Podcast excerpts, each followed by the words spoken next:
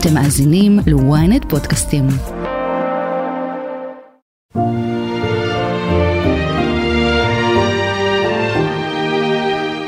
יום ראשון בבתי הכלא אשל ורימונים היה נראה כמו כל יום רגיל.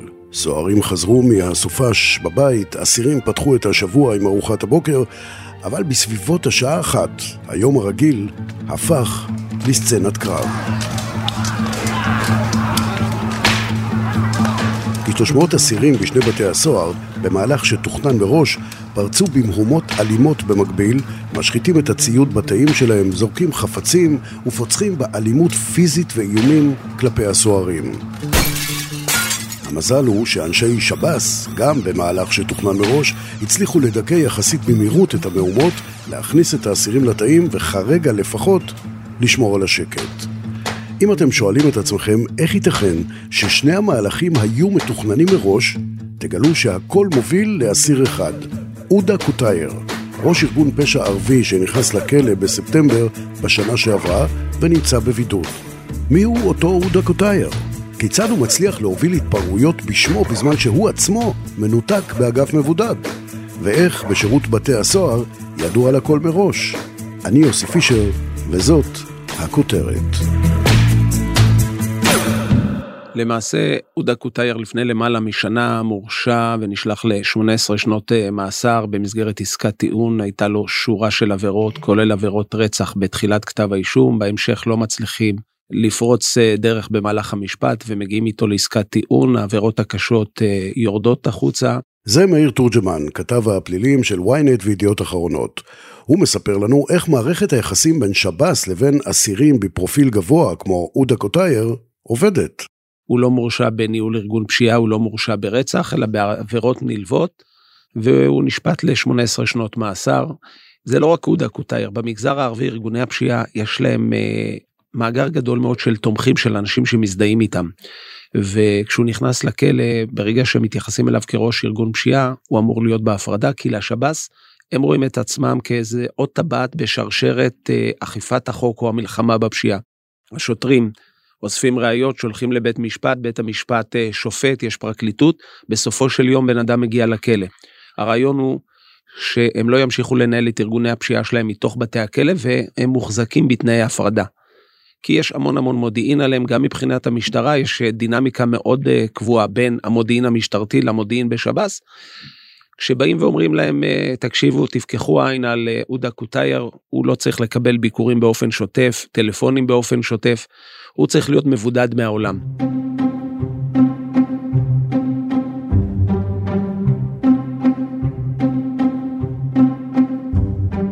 ובידוד מהעולם זה הטיפול שקיבל. עודה קוטייר ישב עד לאחרונה בתא מבודד וייחודי, בעל היסטוריה ייחודית משלו. קוטייר ישב בכלא אוהלי קידר, יש שם uh, תא שקוראים לו התא שבנו עבור יגאל עמיר. לא בנו אותו במיוחד עבורו, זה תא שבו החזיקו אסירים ביטחוניים מאוד מאוד דומיננטיים. לכן יגאל עמיר בתחילת דרכו ישב uh, בכלא המבודד, שהוא לא רק הפרדה, הוא כלא מבודד שניתן להרחיק אותו מכל העולם החיצון של בתי הכלא, כי גם בהפרדות הרגילות, באגפים הרגילים, עדיין יש לך יכולת לתקשר אמנם בצעקות עם האסיר שנמצא מולך, אה, יש אפשרות אה, לחייג, אתה יכול לצעוק לו, להגיד לו, תחייג לפלוני בשמי, יעבירו אליך את הטלפון. יש איזו אינטראקציה עם אסירים אחרים, אמנם מתא לתא. במקרה הזה, שבתא שעודה קוטייר יושב בו היום, הוא פשוט מנותק מהעולם. לפני מספר חודשים הוא גם עבר איזשהו ניתוח מורכב, וגם יכניסו לו פנימה אדם שיסייע לו מבחינת יכולת אה, בריאותית, אה, לפעמים להיכנס למקלחת וכדומה. ואם הוא מנותק מהעולם, אז כמובן עולה השאלה איך בין שני בתי כלא שונים הצליחו לתאם מהומות ענק בו זמנית לשיפור תנאי הכלייה שלו. עם מי הוא היה בקשר? מאיר מספר לנו שהכל נובע מביקור תמים מוקדם יותר השנה. כל הסיפור למעשה מתחיל, נולדה לו בת לפני מספר חודשים, השב"ס, בניגוד להמלצת המשטרה, אפילו אומר שבצורה אנושית הוא נעתר לבקשה שלו ומוציא אותו לבקר בבית החולים את הבת שנולדה לו. במשטרה מאוד זעמו על כך, כי מבחינתם אה, לא אמורים אה, לנהוג באנושיות או באיזושהי חמלה כלפי עודה קוטייר או אנשים בסדר גודל הזה שממשיכים לנהל את אה, מערך ארגון הפשיעה שלהם גם מתוך הכלא. ויש להם שליטה חזקה מאוד.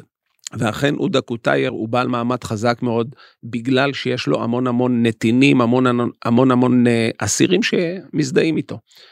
ולמעשה, אחרי הלידה הוא מבקש אישור חריג לכניסה לביקור מיוחד של בני משפחה וחברים כמעט 21, שזאת בקשה מאוד מאוד חריגה שייכנסו 21 אנשים. סוג של, אה, לא רוצה לקרוא לזה מסיבה, כי בשב"ס לא קוראים לזה, אבל ביקור אה, קבוצתי יותר, דבר שלא נהוג. במקרה של לודה קוטר הם מרשים לו אולי, אולי, אולי בני משפחה מדרגה הכי קרובה שיש, וילדים קטנים או הורים אה, מבוגרים. כי גם בני משפחה כשנכנסים פנימה, הם הרי אומנם אה, משוחחים על המשפחה, אבל יש דרך להוציא הוראות והנחיות בדרך הזו החוצה. וזו היכולת שלהם גם לתקשר באמצעות הביקורים, באמצעות שיחות הטלפון. אתה מתקשר עם שיחת טלפון לפלוני, שהוא היחיד שמותר לך לחייג אליו, ואתה מרים שם שיחת ועידה. יש אפשרות, אה, דרך כל אדם למעשה שפוגש אסיר, הוא אמצעי ופוטנציאל להוציא מידע החוצה ולהוציא הוראות החוצה.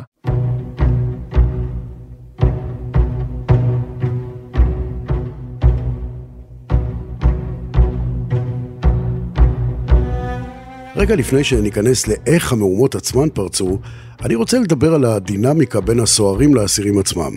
קוטייר עצמו, כפי שכתב המשטרה שלנו לירן לוי פרסם לפני חודשיים, מהלך אימים על הסוהרים בשב"ס. לפי החשד, הוא שולח אנשים שמבקשים לנקום בקצינים שלא נעתרים לבקשות חריגות שלו, ואפילו, לפי מקורות בבית הסוהר, קוטייר ניגש למפקד בית הכלא דאז, תת-קונדר עיד סביטי, ואיים עליו שיהיה סכום כסף גבוה על ראשו.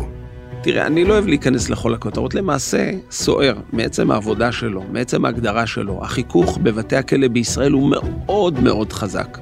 למעשה, הסוהרים נמצאים איתם 24 שעות ביום, בפרט בהפרדה.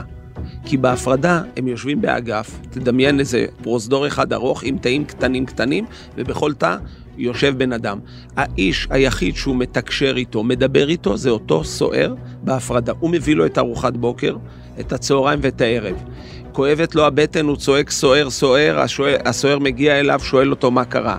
הוא בדאון, הסוער מדבר איתו. זה יכול להיות ברמה של, תגיד לי, מה עשו הפועל תל אביב אה, בשבת? הוא צריך להוציא כביסה, צריך להכניס כביסה. כל בקשה, כל אינטראקציה, זה רק דרך הסוער. עכשיו, הרבה פעמים אה, סוער גם חוטף איומים. מעצם היותו מתחכך עם אנשים בסגנון של עודה קוטייר, ראשי ארגוני פשיעה, אבל זה לא בהכרח רק עודה קוטייר. תחשוב שכל אסיר אין לו מה להפסיד, אסיר אה, במאסר עולם שלא מקבל את אה, מה שהוא צריך, האיש היחיד שהוא יכול להטיל עליו את כל המרירות שלו, את כל הזעם והכעס שלו כלפי הממסד, כלפי המדינה, זה ברמה אפילו של, הוא יכול לחזור מבית משפט, לא קיבל איזושהי בקשה ודחו אותו, מי שיחטוף את זה זה הסוהר, וסוהרים אכן הרבה פעמים מאוימים.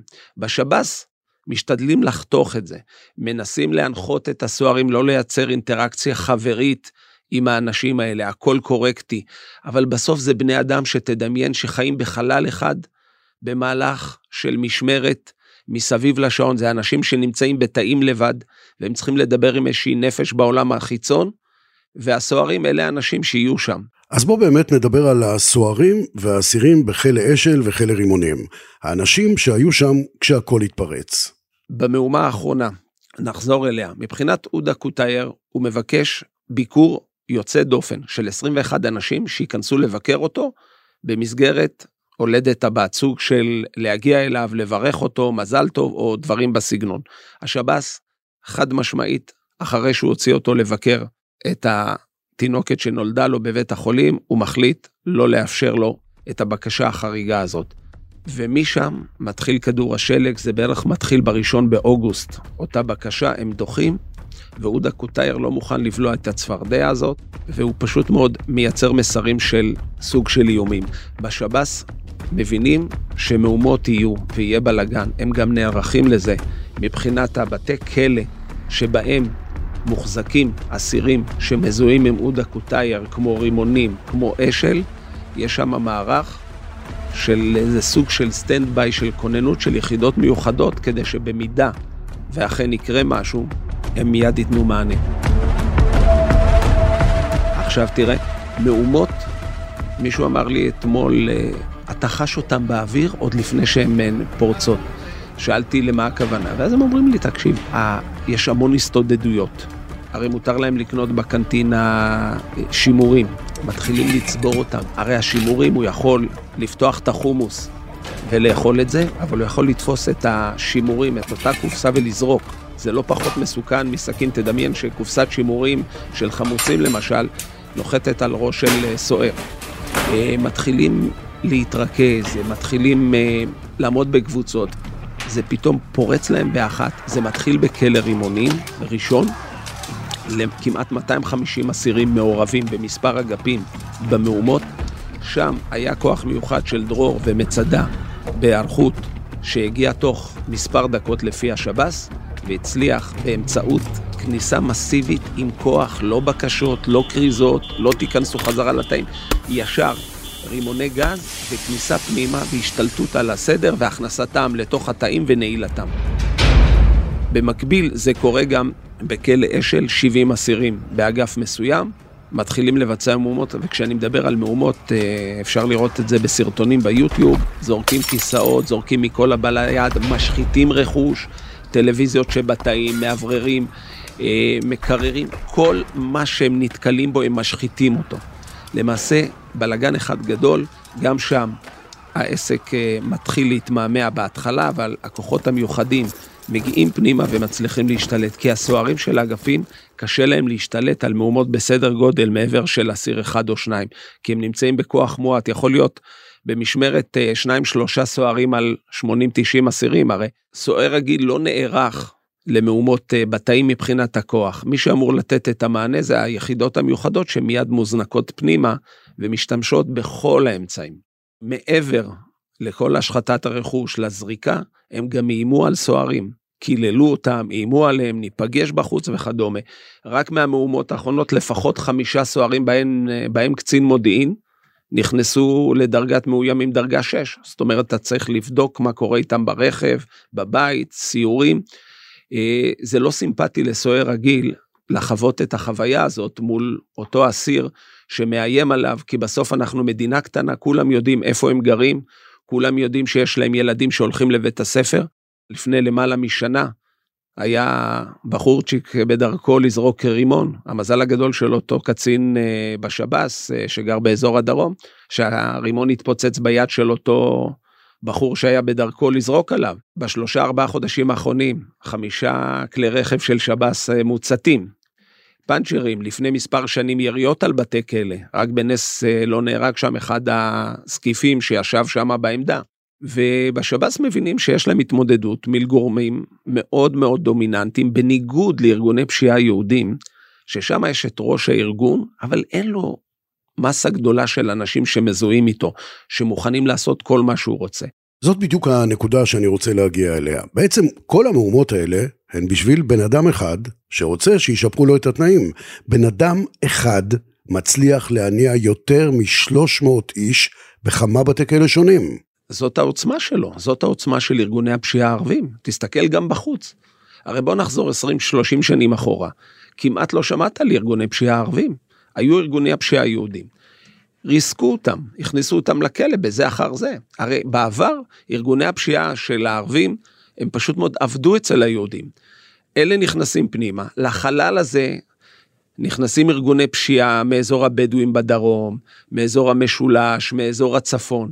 יש להם כוח אדם בשפע. כל ילד שחי, תדמיינו איך הם חיים שם, בתוך הכפרים שלהם, ללא ביוב, ללא תשתיות, ללא חינוך. המודל של ה-BMW השחורה והכסף הקל עובד.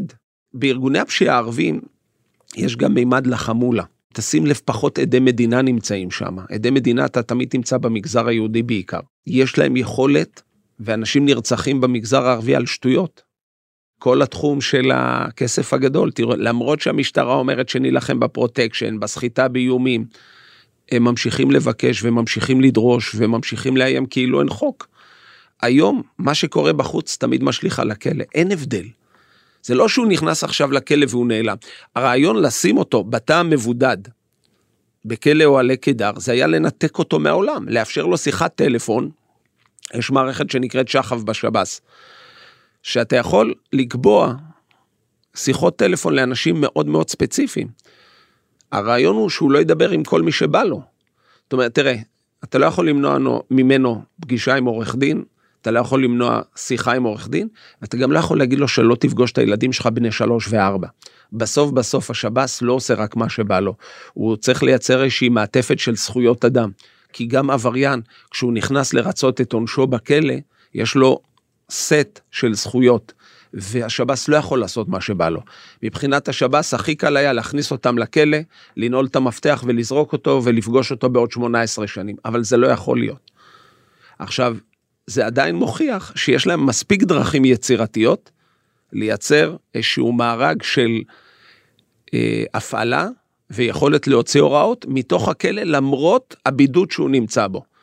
כי להיות בבידוד בכלא או עלי קידר זה פשוט מאוד הבידוד הכי גבוה.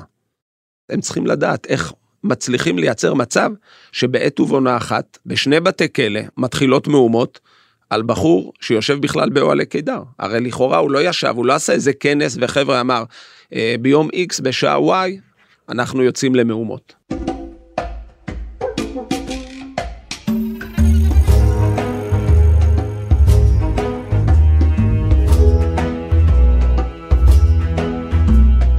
מהומות כמו שהיו בתחילת השבוע משאירות אחריהן תמיד שקט מתוח. כאילו בכל רגע משהו עלול שוב לקרות. אז האם שב"ס ימשיך ביד החזקה או ייכנע לדרישות קוטייר? למה ראש ארגון פשע הוא לא רק אסיר מסוכן, אלא גם סוג של דובר לא מוכרז של האסירים? ואיפה אנחנו עומדים לעומת העולם מבחינת תנאי הבידוד? הודעה קצרה ומיד ממשיכים עם הכותרת. ynet פלוס החדש עם הסיפורים הכי מעניינים ומיטב הכותבים. חודש ראשון בחמישה שקלים ותשעים בלבד. למצטרפים חדשים כפוף לתנאי השימוש.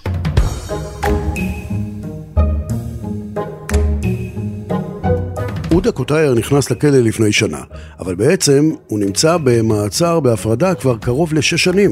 דיברנו עם עורכת הדין שני מורן שמלווה אותו לאורך התהליך. שני מורן, עורכת דין, אה, בעלת משרד בתחום הפלילי, מייצגת אה, נאשמים בתחום הפלילי וגם אה, אסירים לעניין תנאי כליאתם. הצגתי אותו בתיק שהתנהל בבית המשפט המחוזי בתל אביב, ומאז בערך חמש שנים.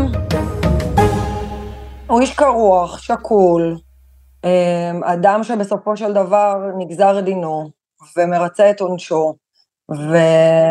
ובמסגרת uh, המאסר שלו, uh, בוחר, לא בפעם הראשונה, להציף בפני שב"ס כל מיני בעיות ותהיות ועניינים שקשורים לתנאי כליאה שלו ושל אסירים בכלל, ואני חושבת שזה אולי באיזשהו אופן uh, סימבולי, בגלל שהוא פעם אחר פעם מנהל את המאבקים האלה מול שב"ס, זה גם לא מאבקים מול שב"ס בקטע של אנחנו מבקשים דברים שלא מגיעים לנו על פי הפקודה והחוק, אז בתקשורת יצא שהוא אה, איזשהו אה, פנים או דובר של אסירים, אבל בסופו של דבר, אה, מה שהוא ומה שהאסירים מבקשים, בסך הכל, זה ששב"ס יעמוד בפקודות, במה שמגיע להם על פי הפקודה, לא משהו שהוא מעבר לזה. לפי מה שאת אומרת, נשמע שמדובר בבן אדם שהוא סוג של לוחם צדק בשביל האסירים, ולא אסיר מסוכן. אני יודעת שמבחינת שב"ס ומבחינת משטרת ישראל מגדירים אותו כראש ארגון פשיעה וכאסיר מסוכן. שזה לא שונה מהרבה אסירים אחרים שמוחזקים בשב"ס. מה, מה המשמעות של זה? המשמעות של זה שהוא נמצא בכלא מאחורי סורג ובריח, בגלל מעשים שיוחסו לו והוא הודה בהם במסגרת הסדר טיעון, אז האם זה אומר שצריך גם להחזיק אותו בתת תנאים, בניתוק מוחלט מהמשפחה שלו אה, לאורך אה, שנים, בבידוד מוחלט לאורך שש שנים? זה כבר שאלות אחרות. אני, אני חושבת שאם השב"ס והמשטרה סבורים שאסיר מסוים אה, הוא מסוכן, אז צריך לבוא ולבחון מה התנאים הנכונים להחזיק אותו, הם, הם הגוף המקצועי לעשות את זה, אבל צריך שהדברים האלה לא יהיו בניגוד לחוק ולפקודה, צריך שהדברים האלו ותנאי החזקה של אסירים, לא רק שלו, בכלל של אסירים, יהיו תנאים שמתאימים לפקודה ולחוק, ולא להחזיק בן אדם בבידוד מוחלט במשך שנים ארוכות ולצפות שמה? שהוא יישב בתאו ויקבל את רוע הגזרה? ברור שהוא ינסה לשפר את התנאים שבהם הוא מוחזק. הגיוני, כל אסיר רוצה לשפר את התנאים שלו, אבל אם נסתכל על המהומות האלימות האחרונות, אי אפשר להגיד שהוא לא משפיע עליהן. אני לא אמרתי אם הוא משפיע או לא, אבל בוא נבחין. כשהתחילו, במקרה הספציפי הזה, אז הרי זה לא המחאת אסירים הראשונה אה, שקורית. אסירים, כמו אזרחים שנמצאים אה, מחוץ אה, לכותלי בית הסוהר, יש להם הזכות למחות או להפגין, כמובן בצורה חוקית ולגיטימית, היא זכות שהיא דמוקרטית והיא זכות יסוד. אסירים שמעוניינים, שבאים וטוענים, אנחנו כאסירים אה, סבורים ששב"ס, ההתנהלות שלו מולנו, היא התנהלות שהיא לא תקינה במובנים מסוימים, אנחנו רוצים למחות בעניין הזה באופן חוקי, חלילה ללא אלימות וללא התנהלות שהיא לא חוקית ולא תקינה. זה לא משהו שהוא לא לגיטימי, אוקיי? אני שוחחתי עם עשרות אסירים בימים האחרונים. אתה יודע מה הם מספרים לי? הם מספרים לי שהם ישנו במיטות, לא היה כלום. לדוגמה בכלא רימונים, ישנו במיטותיהם, תשע בבוקר, נכנסים כוחות, מפוזר גז פלפל דרך המזגנים, אנשים שבכלל לא קשורים לסיפור הזה. אלימות קיצונית, אנשים הופנו לטיפול בבתי חולים, אז מה זאת אומרת? אז איפה אנחנו נמצאים? אסיר לא יכול לבוא ולהגיד, אנחנו כרגע רוצים למחות על תנאי כליאה, אנחנו רוצים לנהל איזשהו דו-שיח אה, עם הגורמים בשב"ס, למה ששב"ס לא יבוא ויגיד, רגע, מאות אסירים בבתי הסוהר עומדים וטוענים שיש פגיעה קשה בזכויות שלהם. בואו נשב, נקשיב להם ונראה מה הסיפור, מה קרה. למה בשנה, בשנתיים האחרונות, פעם אחר פעם, כל מספר חודשים, קמות מחאות של אסירים. אולי משהו באמת לא בסדר. אתה יודע, דיברנו על עניין ההפרדה. אתה יודע, יש בה, אנחנו אמנם אה, חיים כמובן לפי החוק הישראלי, אבל uh, uh, במשפט הבינלאומי, לדוגמה, יש את כללי נלסון מנדלה. Uh, כללים שהאו"ם uh, הציב לסטנדרטים מינימליים לטיפול באסירים. הכללים האלה קובעים, לדוגמה, שאסור להחזיק אסיר בבידוד בהפרדה יותר מ-15 יום, ושכל החזקה מעבר לזה זה יחס שהוא אכזרי, בלתי אנושי או משפיל, ואפילו יכול להיכנס לגדר עינוי, ולפיכך הדבר הזה אסור לחלוטין. לעמדה הזאת הצטרפו אה, ארגונים בינלאומיים לזכויות אדם, כמו הסתדרות הרפואית העולמית, מועצת האחיות העולמית, ארגון הפסיכ... הפסיכולוגים האמריקאי, ארגון הפסיכיאטרים האמריקאי, ארגון הרופאים הבריטים, כולם יוצאים בקריאה ובאים ואומרים החזקה בהפרדה זה משהו שהוא נכנס בגדר עינוי והוא לא חוקי. גם בישראל, יש לך נייר עמדה של ההסתדרות הרפואית שהבהיר שבידוד או הפרדה ממושכים יכולים לגרום לנזקים נפשיים קשים. עכשיו, במקום שיבואו ויגידו, רגע, יש פה גורמים מקצועיים, יש פה גורמים בינלאומיים שבאים ומדברים על הנושא הזה, ואנחנו ממשיכים ומחזיקים אנשים 6, 7, 8 שנים מנותקים מכל קשר לעולם החיצון, אולי יש פה משהו שהוא באמת לא בסדר, אולי צריך למצוא איזשהו פתרון אחר, מידתי יותר, סביר יותר. אז אני חושבת שכשגוף מסוים אמון על שלומם וביטחונם של אסירים, ואותם אסירים בשנה, שנתיים האחרונות עומדים פעם אחר פעם וזועקים את זעקתם, צריך גם להקשיב להם. אי אפשר לבוא ולהגיד אין פה כלום. אנחנו הבנו שהעבירו את קוטייר לחיל רמון. יש איזה סיבה לזה? קוטייר למעשה, כש, כשהחלה המחאה הזאת, ביקש כאקט מחאתי להיות בתנא, בצינוק או בתנאים של בידוד, לא רוצה להיות למעשה אה, בחדר שלו, בתנאים הרגילים שלו, כי אז אין פה מבחינתו משום שום מחאה. אה, ואז למעשה העבירו אותו לכלא רמון, והוא נמצא שם ב, בתנאים של בידוד, בתנאי ענישה למעשה.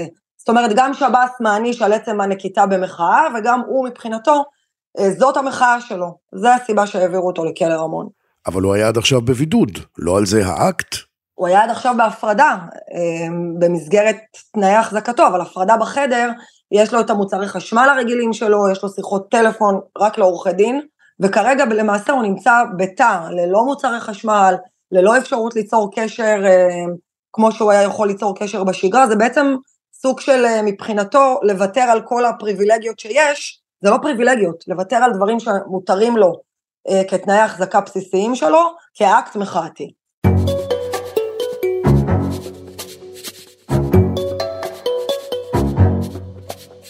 מאיר תורג'מן, בחזרה אליך. העברנו את קוטייר לכלא אחר. המהומות דוכאו, אפשר להגיד שהסיפור נגמר? תראה, בוא נגדיר שאת המהומות של יום ראשון האחרון, הם הצליחו לעצור ולהשתלט עליהם, כי המסה הקריטית של לקוחות הייתה שם מוכנה ומזומנה לבצע את מה שהיא צריכה לעשות. בשוטף מאוד קשה להם לייצר כוחות בכל בית כלא ולשים שם כוחות, כי אל תשכח שהכוחות המיוחדים הם לא רק נותנים מענה לכל בתי הכלא בכל מדינת ישראל. יש להם גם פעילויות מבצעיות אחרות, בנוסף הם לא פעם עוזרים לצה"ל ולעוד גופים, כי יש להם יכולת מבצעית מאוד חזקה, מאוד טובה. מבחינת השב"ס, הם עדיין לא רואים במהומות האלה שהם הצליחו לדכא כסוף פסוק. ההגדרה שלהם זה שקט מתוח. דרך אגב, הם נערכו למהומות האלה, אני אומר, הם ידעו שיהיה בלאגן. מבחינתם, זאת הייתה שאלה של זמן, כלומר, מתי המהומות יפרצו ולא האם הם יפרצו. ואכן זה קרה. לשיטת השב"ס הם נערכו והיו מוכנים. מבחינתם הם עדיין במצב של שקט מתוח. כי הם לא חושבים שעודה מתכוון לוותר. אבל מצד שני הם אומרים שגם אנחנו היום לא מוותרים. כי תראה, כשהתקשורת גם מאדירה אדם מסוים שעד לפני כמה ימים הוא היה אלמוני, הם לא יכולים להתמודד עם האמירה שהשב"ס אה, עודה קוטייר או אסיר אחר מנהל אותם. דרך אגב, חלק אומרים שהוא פתח בשביתת רעב, כרגע השב, השב"ס מגדיר אותו כמחזיר ארוחות ולא כשובת רעב. בדרך כלל הם סופרים ארוחות, האסיר שמחזיר למעלה מארבע ארוחות מוגדר אה, שובת רעב. הם כרגע מתייחסים אליו כמי שמחזיר ארוחות. השב"ס טוען שהוא הולך להיכנס ביד חזקה בכל דמות שתנסה או שתחשוב שהיא מנהלת את הכלא, ואני חושב שבאיזשהו מקום חשים שאולי הם עשו טעות שהם היו לארג'ים איתו כשהם נתנו לו לצאת לבית החולים, לבקר את התינוקת שנולדה לו, למרות האזהרות וההתנגדות החד משמעית של משטרת ישראל. ועד כאן הכותרת להפעם. תודה לכתב הפלילים שלנו מאיר תורג'מן ולעורכת הדין שני מורן. אתם מוזמנים לעקוב אחרינו בוויינט גם באתר וגם באפליקציה, גם בנייד וגם ברכב, גם בספוטיפיי וגם באפל. אנחנו מחכים גם לתגובה וגם לדירוג שלכם. בינתיים אולי יעניין אתכם פרק על המערב הפרוע בחצר האחורית שלנו. חפשו את האם צה"ל ושב"כ במסלול התנגשות עם המתנחלים והממשלה. איתי בצוות הכותרת שרון קידון, טל זרביב וקובי נחשוני. תחקיר, הפקה ועריכה, גיא סלם ועדן דוידוב. טכנאי הסאונד הוא בן פישר, אני יוסי פישר, וזאת הייתה הכותרת.